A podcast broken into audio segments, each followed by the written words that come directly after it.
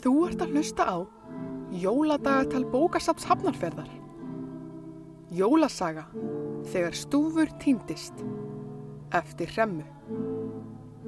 Höfundur les. 17. kabli Gríla, leppalúði og öll sískinni stús hoppa af gleði og faðmann að sér þegar hann loksins kemur heim í gríluhelli. Meira að segja jólakötturinn nuttar sér utan í stúf og malar af ánægju. Ég er svo fegin að þú sért fundin kúturinn minn. Ég saknaði þín svo mikið. segir Gríla og faðmar stúf með tárin í augunum. Ég saknaði þín líka, mamma, segir stúfur. Vistu, ég held að þetta sé tilefni til þess að halda visslu. Ég ætla að sjóða skötu í kvöldmatinn. Segir Gríla og arkar inn í eldhús.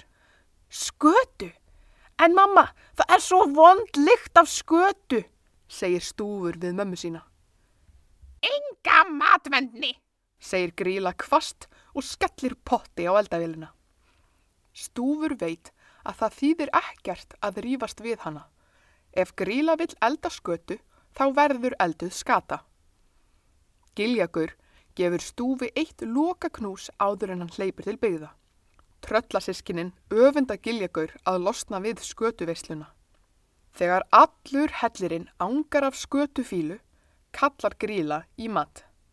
Hún og leppalúði borða skötuna með bestu list, en öll yngri tröllin sitja með þvottaklemmu á nefinu og pína ofan í sig einn og einn bita. Jólakötturinn hefur látið sig hverfa.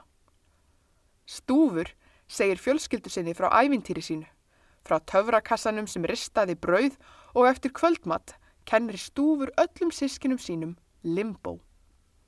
Gríla og leppalúði halda kræklóttum staf grílu á milli sín og hún hlær dinjandi hlátri í hvert sinn sem einhvert tröllið dettur á rassin.